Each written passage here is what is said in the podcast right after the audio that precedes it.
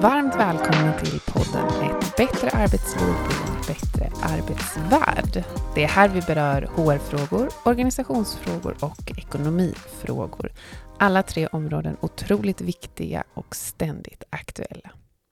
I detta avsnitt så kommer ni få lyssna på mig, Frida Brummer, som arbetar som HR-konsult på Oak och dagens härliga gäst.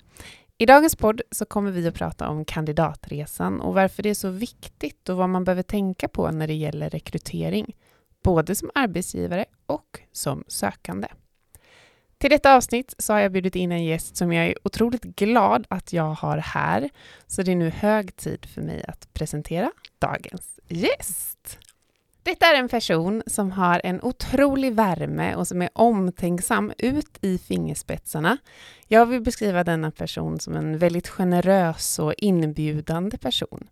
Min starka tro här är att dagens gäst säger min dörr är alltid öppen och att det är en riktig sanning.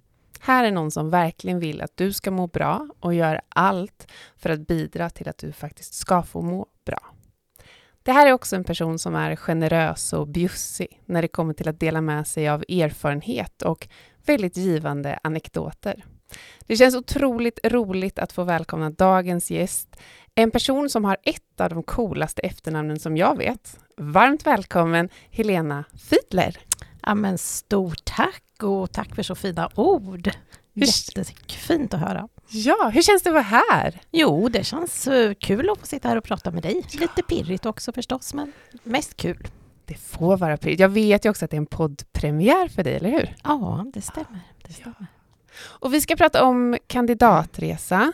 Och när vi säger det här begreppet så tänker jag att vi ska beröra två sidor av det. Både att vara arbetssökande, eller det vi kallar för kandidat oftast, eh, och också som arbetsgivare, hur man ska kunna hitta sin rätta kandidat i det här. Men innan vi börjar med det här så tänker jag att vi ska ta en närmare blick på vem du är, så att vi får lära känna dig lite närmare.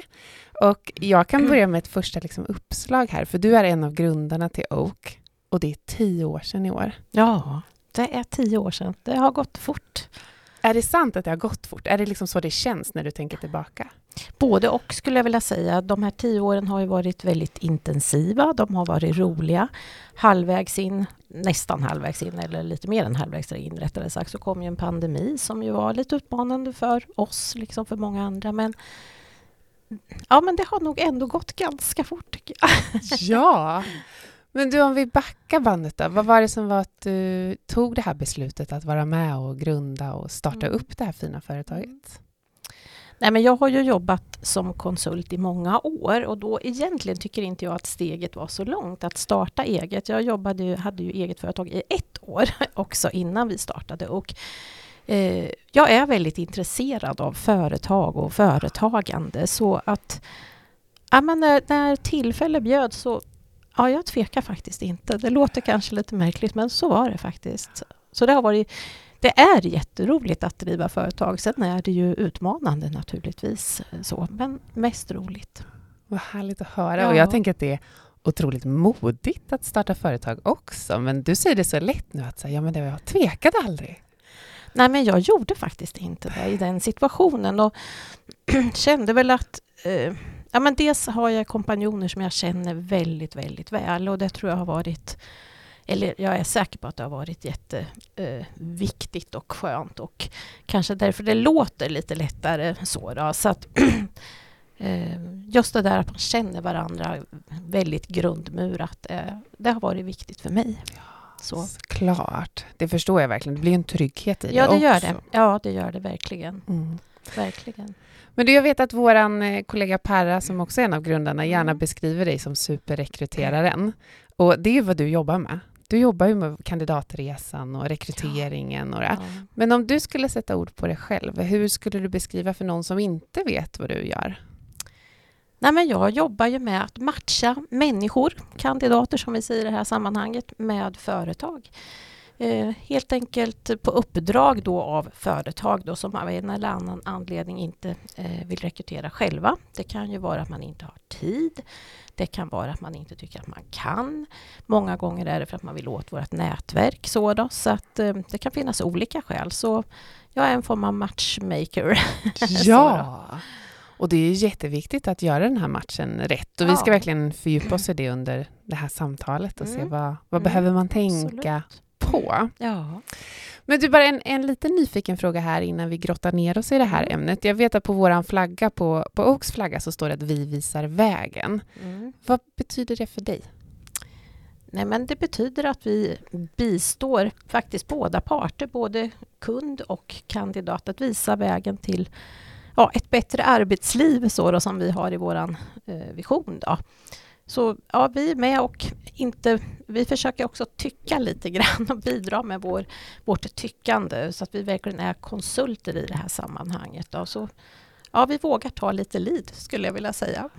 Förhoppningsvis på ett bra och ödmjukt sätt. Då, men, Såklart. ja, Och jag tänker det du beskrev, anledningen till att man inte rekryterar själv, det kan vara massa olika Mm. skäl, men det kanske är Mm. tid eller kompetens. Då absolut. tänker jag att man outsourcar till, till oss för att man vill ha det stödet. Ja. Då vill jag ha en speaking partner Mm. som faktiskt kan säga då, det här Absolut. rekommenderar vi Mm. eller Mm. det här är ett, ett bra väg att gå. Ja, absolut. Annars skulle man ju kunna lika gärna göra det Ja, själv. ja, vi hoppas ju också komma med liksom vår kompetens är ju att vi har en väldigt bra kunskap om företag och ja, har mycket kontakter naturligtvis. Så många gånger så är det så att man gärna också vill känna som kund att man ligger i linje till exempel när det gäller lönesättning och så med andra bolag. Liksom. Man är ju konkurrensutsatt som, som arbetsgivare. Så, så där hoppas jag vi kunna bidra mycket med den inputen också.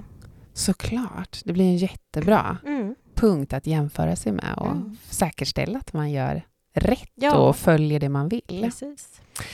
Men du, jag tänker att vi, vi ska titta på båda sidorna. Vi ska titta på arbetsgivarsidan, men också det här med att vara kandidat och söka jobb, vilket kan vara väldigt, väldigt pirrigt. Ja, Eh, det, det vet man ju. Ja.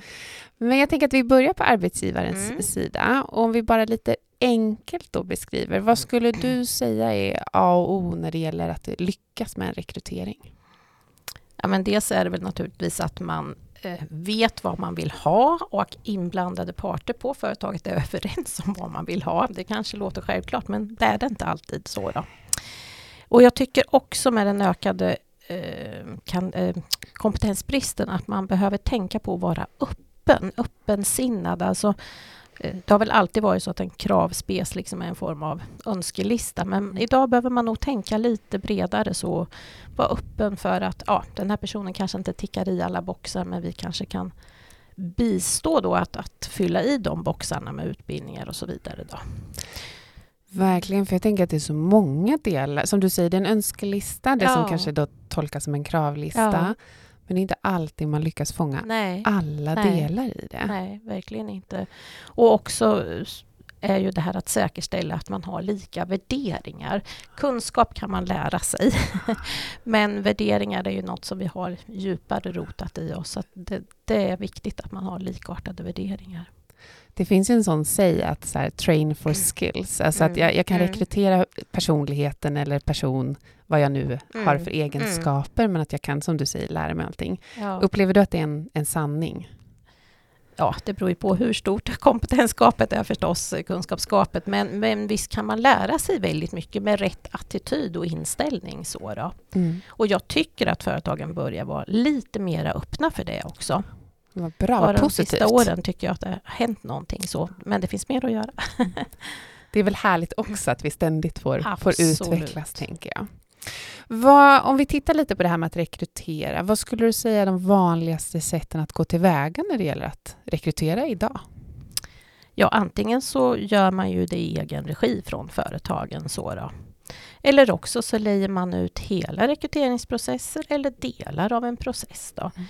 Vi får ju ibland uppdraget att vara med och testa interna kandidater till exempel för att man ska känna att en intern tillsättning går rätt till.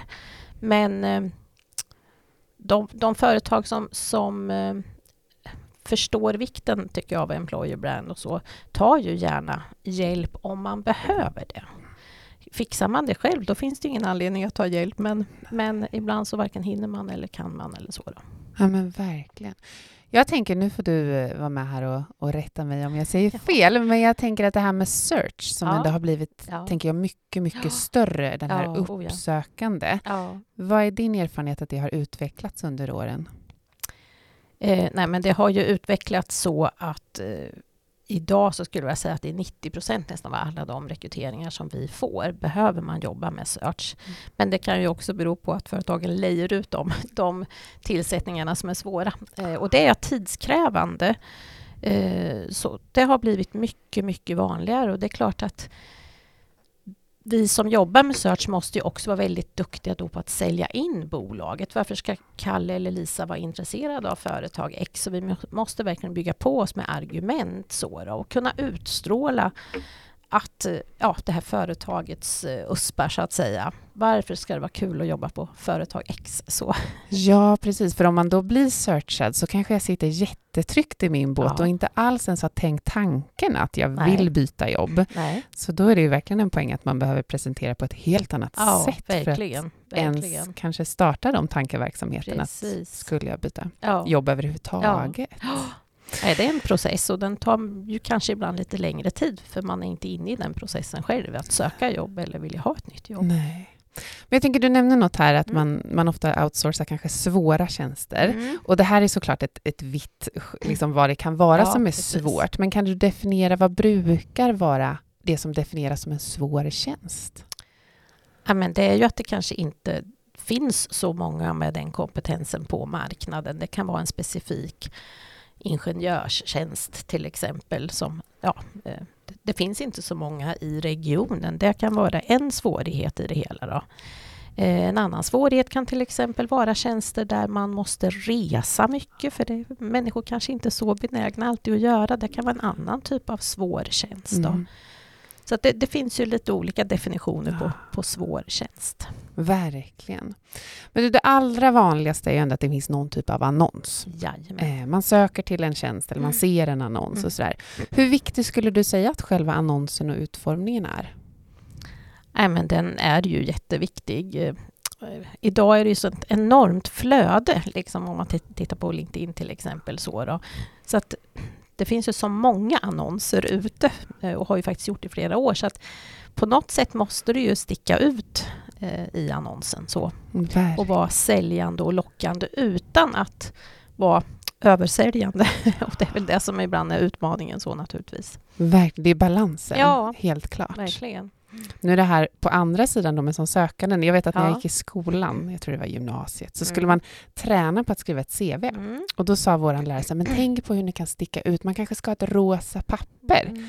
Det funkade ju då när man gjorde det i pappersformat. Ja. Ja. Men nu är det liksom man ska fylla i en, kanske en, en system mm. eller man ska skicka in ett papper papper och mm. hur man liksom sticker ut mm. på det sättet. Ja. För det är ju åt båda håll, tänker jag. Annonsen behöver mm. poppa på uppmärksamhet Verkligen. och jag som kandidat behöver poppa ja. på uppmärksamhet. Absolut. Den är ju utmanande från den båda. Den är utmanande. Och det är klart att det beror ju lite på vilken tjänst man söker. Vi kanske kommer in och pratar om det senare. Så att, ja, ja. vi hoppas. Vi kommer tillbaka ja, det till det, tänker jag. Men om vi tänker på det här med, vi pratar om kandidatresan ja. eh, och då är det allt från annons till första kontakt och intervju och sen kanske när jag väl börjar jobba förhoppningsvis. Varför är kandidatresan så viktig för ett företag att tänka på? Nej, men för det första att, eh, att få de personerna man vill ha. Det är ju två som ska gilla varandra och då måste kandidatupplevelsen av företaget vara bra. Och det är ganska många gånger som vi får höra det kändes så bra eller det kändes inte så bra får man ju också höra ibland. Och det är en massa intryck som man får av ett företag när man kommer dit. Hur verkar chefen? Hur ser det ut? Är det fräscht eller är det sladdar överallt eller vad det nu må vara. Så, då. så att, eh, nu tappar jag tråden vad frågan var. Varför Frå det är så viktigt ja. med med eh, Kandidatres. kandidatresan. Ja, men precis. Sen är det ju att få en, en schysst behandling via intervjuer och liksom att, att man känner att man är väldigt mycket sedd under den, under den till exempel intervjun hos, hos kunden. Då. Och att det funkar med det praktiska saker. Har man sagt att man ska få ett avtal så ska man få ett avtal när det är sagt och så vidare. Eh, jag kan uppleva att det finns en stor förbättringspotential hos de flesta företag när det gäller introduktionen. Och då är det kanske inte det här om, omhändertagandet som brister, för det tycker de allra flesta är väldigt duktiga på. Men det är inte helt ovanligt att, ovanligt att man får vänta på datorer och det funkar inte med mejladresser. Och ja, men sådana där små saker kan ändå bli lite smolk i bägaren. Så. Verkligen. Och jag tänker om man skulle säga att man har två kandidater som är jättebra Mm. Och så väljer man den ena i slutändan för man Ja. har en tjänst. Precis. Så är det ju precis lika viktigt att den som får ett nej tack där upplever att den kontakten man har haft är positiv. För jag kanske söker i nästa Ja, steg eller ett annat absolut. läge. Absolut. Och då blir ju kandidatresan viktig. Ja, där tycker jag du berör något jätteviktigt för att eh, har man gått väldigt långt i en process, man har investerat mycket tid och förväntningar och så får man det där nejet, alltså det är ju inte så kul. Och där är det ju viktigt att, att vi tar oss tid som rekryterare att förklara så gott det går. Det är inte alltid så lätt, men eh, att ge tiden och kanske fånga upp. Det är inte så ofta tycker jag folk eh, bryter ihop helt och hållet, men det är klart att man hör ju ibland att en del blir väldigt, väldigt besvikna och Mm. ibland följer vi upp det efter några dagar och så där bara se hur, hur har det landat. Det är jättebra, för jag tror du trycker på någonting viktigt, att man investerar Ja, väldigt mycket tid och det är en Ja. ganska stor urladdning helt rätt. eh, att gå på intervju och vara sitt bästa jag. Ja, och, ja, och bli bedömd och ja, nej, det, det är inte... Det är en utmanande situation, helt klart. Verkligen.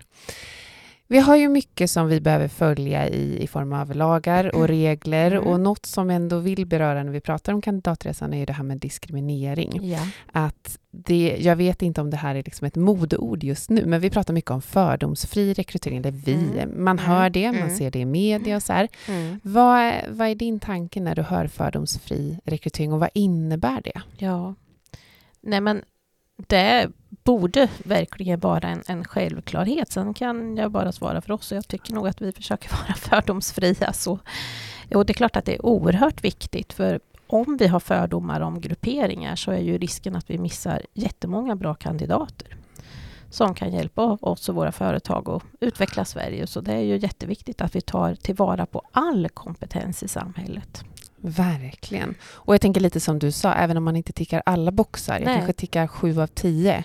Och det kanske är precis det som Ja, behövs. Ja, eh, precis. också. Mm. För det här har man ju läst om så skräckexempel när jag bytte namn och då fick jag komma på Ja. intervju och Ja. jag får liksom ont i magen när jag verkligen. det. verkligen. Men då om vi tittar lite på eh, vad, vad som skulle kunna vara misstag man gör vid en rekrytering. Mm. Vad skulle du säga är vanliga misstag som man kanske ändå trillar dit på? Ja. Jag tror att ett vanligt misstag är att det ska gå så fort och att man, om någon nu har sagt upp sig, vilket ju är oftast den vanligaste anledningen att man tar hjälp av oss, det kan ju vara att det är nya tjänster också, men många gånger är det ju någon som har sagt upp sig och att man inte tar sig tid att, att fundera vad vi behöver nu, utan det är en likadan som den förra. Jag jobbade på ett företag för ett antal år sedan och där sa en eh, personaldirektör, som jag tror hon var och kallades för på den tiden, hon sa en grej som har satt sig hos mig. Hon sa att varje rekrytering är ju en unik möjlighet till en organisationsutveckling. Och det där tycker jag man verkligen ska tänka till. Men det går fort ibland och jag förstår att det kan vara så, men det kan vara ett stort misstag. Eh, jag tror också, på tal om det där ticka boxar, att det ibland blir så att man man tickar alla boxar och så känns det ändå inte riktigt bra. Eh, Men då går man på den här kandidaten som alla boxar har tick tickats av. Och det blir sällan bra om inte det känns bra i magen. Det är väl någon slags erfarenhetsbank man har där i magen. Så, då. så att, eh, att man inte tar hänsyn till känslan eller erfarenheten tycker jag är det, är det som kan falla på att det inte blir så bra. Ja. Och jag kan bara känna igen mig, nu är det några år sedan jag jobbade med rekrytering, men Mm. då, då blev det ju lätt så när det var en ersättningsrekrytering, alltså någon Mm. slutade och vi skulle få, Ja. och då sa chefen, ja men ta den gamla annonsen. Ja. Så många gånger. Och Ja. bara, ja, men är det verkligen precis Ja, samma? Ska vi precis. inte utmana oss här? Men det jag tycker är en annan sak i det här, för att någonstans är ju chef ansvarig ofta för Ja. rekryteringen. Det är till Ja. mitt team och det är jag som ska. Så här. Och vi vet ju av erfarenhet, men också utifrån forskning, att vi gärna dras till människor som Mm. liknar oss Mm. själva. Mm. Hur vanligt förekommande är det att man väljer liksom kanske inte en kopia, men någon som är väldigt snarlik sig själv, skulle du säga? Ja, jättesvår fråga att svara Aha. på, för en del eh, chefer som rekryterar är ju väldigt duktiga på att utmana sig själv och duktiga på att se sammansättningen av teamet, både här och nu och ja, med några års framförhållning kanske. Då. Eh, så det är jättesvårt att svara mm. på, men det är en fälla man ska se upp med, för den är väldigt lätt mm. att hamna där. Såklart. Ja. Och jag tänker bara vara medveten om det. Ja. Att vad är det vi behöver komplettera med eller förstärka ja, med? Verkligen. Eh, för det är säkert lätt att fatta tycke på, på olika parametrar i det här, tänker jag. Men du, en annan sak som har bubblat upp väldigt mycket på agendan de senaste åren, det är att vi pratar om olika generationer. Mm. Eh, här brukar man prata om X och Y och Z och millennials och sådär. Men om du tittar på, behöver man göra olika om jag säger att jag rekryterar någon som är, är född på 60-talet kontra någon som är född 00? Det är ganska stor skillnad i åldersspann, men ska man som företag göra någonting olik beroende på vad man har för kandidat framför sig? Jag tror i grunden så är det samma behov som man har oavsett när, hur gammal man är så att säga. Men det är klart att det kanske är en fråga som kommer upp mycket nu då har ju gjorts en pandemin är ju det här med distansarbete och där tycker jag väl ändå att man ser en liten övervikt åt att yngre eh, nästan tar det som default att man ska få sitta hemma och jobba eh, när man vill och sådär. Medan kanske 60-talisterna, 70-talisterna inte kanske riktigt tänker så. Men det, jag har inte gjort någon, någon undersökning, men det är min känsla att det är lite så. Då. Ja, men säkert. Det, det, så känns det. Och jag tänker att det här generation, det är säkert lika mycket som personlighet, vad man Definitivt. föredrar. Så jag menar, det ja. går in och inte några vattentäta nej, skott. Nej, verkligen inte. Helt klart. Men du, nu har vi pratat lite om just här, att vara arbetsgivare i det här, mm. eller den som söker en kandidat. Att tänka på att vi behöver tänka på hela processen, mm. att även om man får ett nej, så är det ändå en väldigt viktig resa man är med på som, som kandidat. Ja. Om vi lite mm. vänder på det och tittar på kandidaten, eller den mm. som är jobbsökande. Eh, och om man då är i stadiet att jag ska söka jobb, eller man börjar liksom kanske mm. tröttna där man mm. är, om vi ska vara helt transparenta i det här. Och så känner man att ah, det är lite uppförsbacke, för nu behöver jag skriva det där personliga brevet som är spot on, och jag måste ha ett CV som är rosa eller sticker ja. ut på något sätt. Så här. Vad ska man som kandidat tänka på här, tycker du? Ja, men alltså CV och Eh, personligt brev, alltså försök att göra det så pass distinkt och enkelt som det går. Det, jag tycker att vi i Sverige generellt sett är duktiga på det, att plocka ut lagom, lagom mycket som man presenterar, för det blir ganska mastigt för oss att läsa annars. Då. Och det är klart att eh, söker du en, en kommunikatörsjobb till exempel, då kommer jag ju att lägga större vikt vid hur det personliga brevet ser ut än ja, någon annan typ av tjänster där det kanske inte är lika viktigt. Då. Så det är väl, men att, att tänka på att man skriver med ett bra språkbruk och att man tittar en gång till vad det är för vad man skriver, vilken tjänst man har sökt. Ibland händer det att man, man bara ser att någon har kopierat ett gammalt brev och det blir ju inte så bra intryck. Så då. Så att eh, uppdaterat och fräscht och lagom mycket. Vad är nu det då? Ja, kanske ett personligt brev, lite drygt en halv A4-sida då. Mm. Jag vet i mitt personliga brev så skrev ja. jag något som du fångade upp när du läste det. För jag skrev om en godispåse. Just det. Och då blev det ett sätt att sticka ut lite, ja, att så här, hitta någonting som man kan, kan prata kring ja, faktiskt. Så det, det här lagom tror jag passar sig jättebra i det här mm, sammanhanget. Men du, en annan fråga när det kommer till CV eller personligt brev. Foto, mm. ska det vara med eller inte? Ja, det, alltså, det är så tycke och smak, ah. tycker jag. Alltså det är ju faktiskt så att när vi läser CVna så ser vi ju bakgrunden. Det är ju den som vi ska jacka in i. Liksom. Det är ju det viktiga vad man har gjort och matchar det. Liksom. Och tror vi, bedömer vi att de bolag som den här personen har jobbat på, att ja, men det är lite samma värderingar som våra kundföretag, kan det då matcha och så? Då? Sen om det är foto eller inte spelar inte så där jättestor roll. Men ska det vara ett foto så ska det ju vara lite anständigt foto. har du varit med om motsatt någon gång? Nej, kanske oanständigt, det beror på vad man menar med det, men man kanske inte behöver sitta med en drink i handen eller något sånt där. Det brukar inte landa så bra. Ett bra konkret tips, ja, anständigt precis. foto. Ja. För den känns också som en sån fråga som kommer upp ibland. Ska jag eller ska jag inte ja, med foto? Precis, precis. Den är svår att, ja, att veta. Ja. Men du, en annan då kanske sanning i det här, Mm. men eh, ibland kan man ju höra sådär, men alla kryddar lite sitt CV. Alla drar till med lite, man förstärker kanske någonting. Mm. Hur vanligt är det att, att det inte är helt sanningsenligt, det som står? Jag upplever det nog som ganska ovanligt måste jag säga. Och det, det är ju himla dumt för det kommer ju alltid fram under en process att det, nej, det är inte vanligt, det kan Nej. jag inte säga. Sen kanske att man sätter lite finare ord på saker och ting. Så, så, och det ligger väl lite i det kan jag tycka är bara mänskligt och bra, för det är klart att man vill framstå som sitt bästa jag i det här CVt. Så, men inte ljuga, det händer väldigt sällan tycker Mm. jag. Tack och lov. Vad bra, för jag tänker att det borde ju komma upp någon gång. Någon Ja. gång kommer ju det, sanningen kommer Det komma det. fram. Så att, eh, håll er till sanningen, men uttryck det på ett Ja. effektfullt sätt någonstans. Det var spot on, Spot Frida. on där. men det är en, en annan fråga kopplat till det här, vi har varit inne lite på det. Men om jag ser en annons och så tänker jag, gud vad kul, Mm. det här, det här är jag. Mm. Men jag kan inte det där, eller jag har inte jobbat i tio år, eller jag har inte... Ska jag söka jobbet eller inte? Ja, det tycker jag generellt sett. så Ja. då. Men man kan ju också faktiskt föregå lite i det personliga brevet och, och tala om att ja, jag kanske har någon, något gap gällande någon Mm. kompetens. Så att man påvisar en, en självinsikt. Så då. Men jag tycker man ska, man ska söka jobbet om det inte är helt out of the blue. Men, men annars så tycker jag nog det, om man, även om man inte tickar alla boxar. Ja.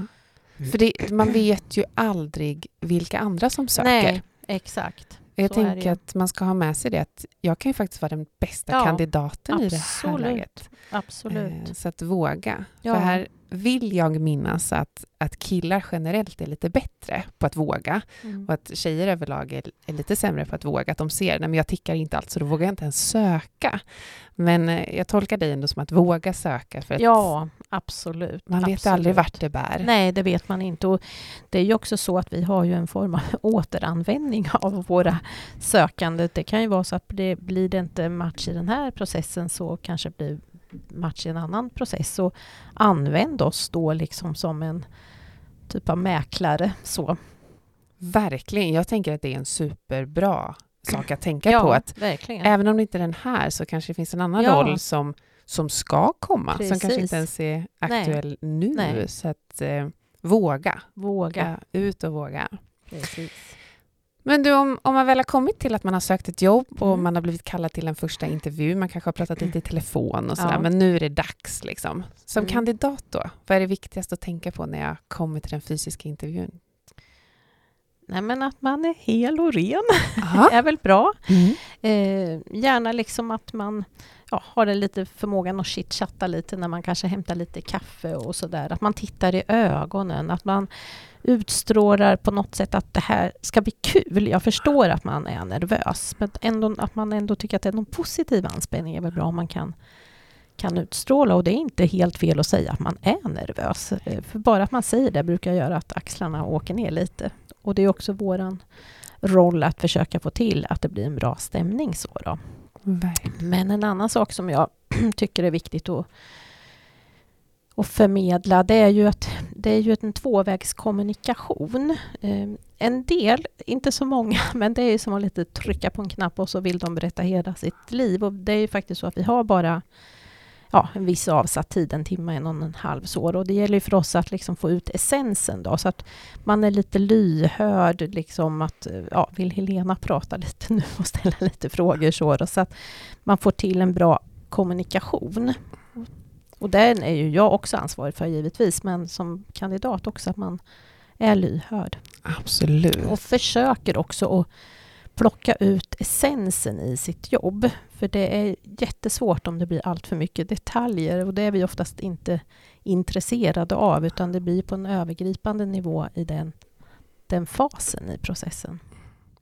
Nu kanske jag förenklar det väldigt här nu, men jag tänker att CV och personliga brevet Mm. tillsammans, det är ju någonstans liksom omslaget av en bok. Så här, Ja. Blir vi intresserade av mer? Precis. Och sen intervjun, då blir det lite mer fördjupat Ja. och som du säger, även Ja. övergripande, men jag vill veta lite mer. Mm. För jag minns ett sånt, jag ska inte sätta ett skräckexempel, men jag höll en intervju och då var det en som kom och så sa vi, första frågan var ungefär så här, berätta lite om dig själv, väldigt Mm. så öppet. Men då fick vi just den att, han, Ja. han i det här fallet bara rapade ut hela CVt och ja, jag kunde läsa innantill Ja, liksom allt.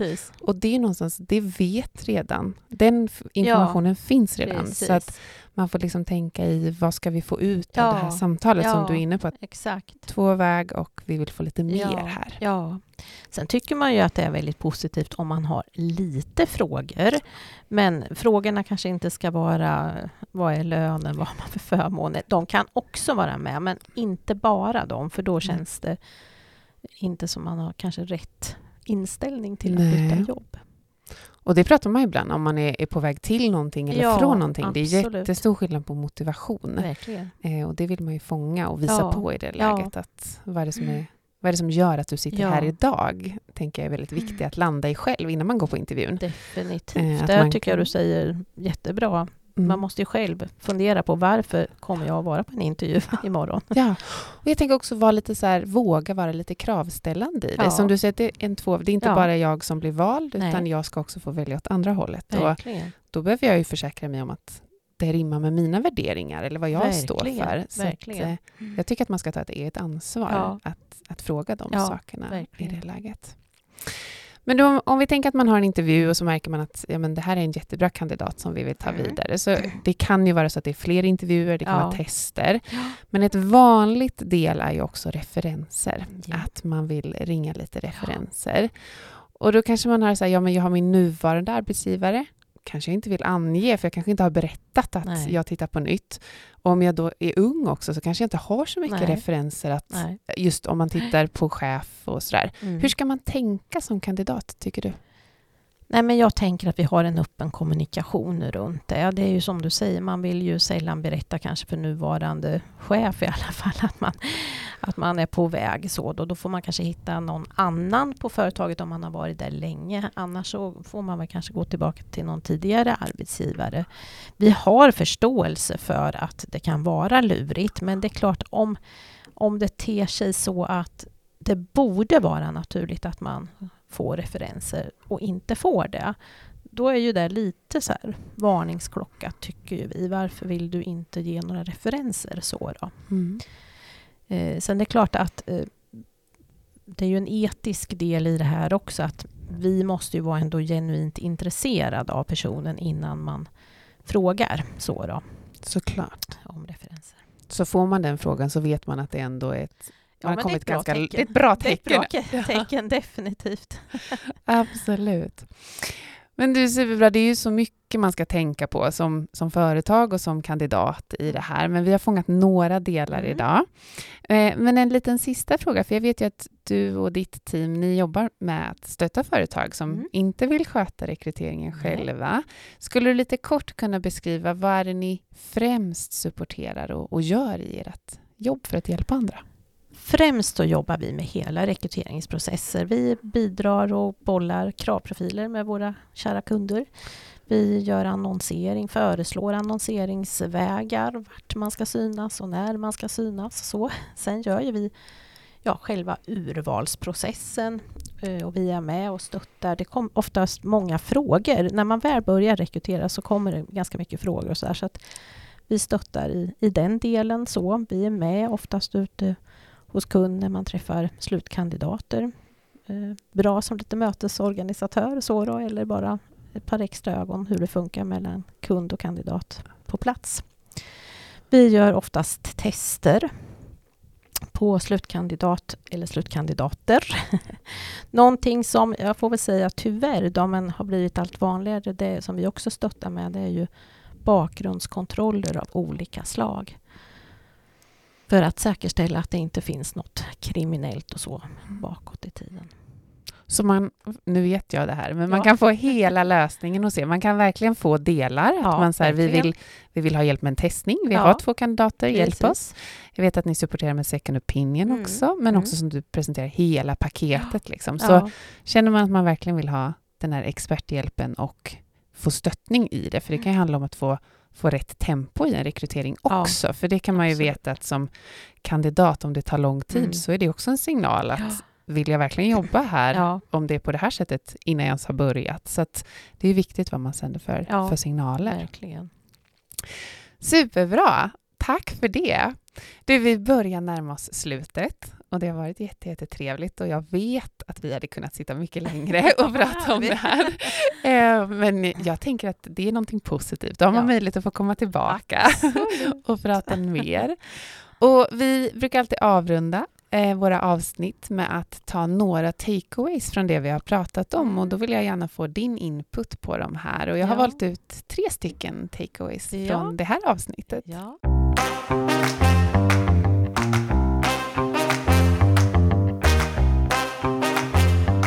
Det första jag har är att vi ska prata om att det ska vara match mellan två parter. Att det är företaget men också kandidaten ska ja. känna att det här är en match. Ja. Vad tänker du om det? Men att det verkligen är en tvåvägs... Eh, ja, vad säger man? Tvåvägskommunikation? Nej, det var inte rätt. Men att det är två parter som ska gilla varandra, verkligen. Eh, och, och det tycker jag är någonting som verkligen har blivit tydligare på senare år. Det kan låta självklart, men, men eh, det har blivit mycket mer vanligt. Mm. Verkligen. Och sen en annan sak som vi lite grann har berört. Mm. Ibland kan det vara så att man riktar in sig på ett företag. Mm. Men att man också verkligen ska känna att det här är en roll jag vill ha. Mm. Att inte bara fastna i att jag vill jobba på Nej. det här företaget Nej. X, utan jag ska känna att rollen är 100% ja. rätt också. Ja. Vad tänker du där? Nej, men ibland så får ju vi kandidater som söker till ett specifikt företag som kanske har väldigt bra employer brand. Och då kan kandidaten säga, jag har länge sneglat på det här företaget och jag vill jättegärna in här och ja, prata mycket om det. Men det är, ju, det är ju jättekul att det blir en match kandidat och företag, men det ska ju också bli för rollen. Man måste ju känna att den här personen, kandidaten, verkligen vill ha den här rollen. Inte bara att man tar den för att komma in på bolaget. Nej. Det blir inte så bra. Nej, och då blir, jag tänker då blir motivationen inte helt rätt, eller Nej. initiativet Nej. helt rätt heller. Och du, den tredje och sista grejen som jag tänker att blir en väldigt tydlig takeaway och som jag tror många kan ta med sig, det är de här öppenheten som arbetsgivare, att våga, om man ändå inte tickar alla boxar som sökande, att kanske våga utmana sig. Mm. Vad är det på riktigt som är viktigt och vad kan vi kanske lära ja. i det här? Ja. Eh, och jag tänker att det blir åt andra hållet också för den som söker, ja. att våga söka. Exakt. Jag kan nästan inte säga det på något annat sätt än du har sagt Frida, men, men öppenheten att hur kan vi ta den här personen med rätt mindset, rätt attityd, rätt värderingar? Hur kan vi bygga på den så att den hyfsat snabbt kan matcha den här rollen? Så. Ja. Eh, och, och, då kommer vi in på kandidaten med våga sök. Det kanske är så att det här företaget har väldigt bra inställning just till att bygga på ah. dig med kompetens. Verkligen. Och jag tänker i din roll där du sitter, om du får en, en sökande, det kanske inte är match i den, men jag vet ju att du sitter med väldigt många andra rekryteringar, mm. så du kan ju faktiskt också vara en sån som Hej, Kalle här, du har sökt ett jättejobb ja. här. Jag ser att du skulle platsa för, för jobbet här borta. Ja, ja. Så att jag menar, om du ens tänker en liten tanke att jag skulle vilja söka, så sök ja. lite. Vad är det värsta som kan hända? Ja, eller hur? Faktiskt, ja, tänker jag. Helt klart. Ingenting. Nej. Mer än att det blir bra och ja, att du hittar precis. ditt drömjobb förhoppningsvis. Ja. Men du, med det sagt så vill jag tacka för att du ville vara med och sitta här en stund och, och prata. Hur känns det nu? Nej, men det känns bra, tycker jag. Vad roligt! Jag är super, superglad att du kom. Eh, och med det sagt så säger jag tack till alla er som lyssnat och ni hittar vår podd på Spotify och på Podcaster. På återhörande.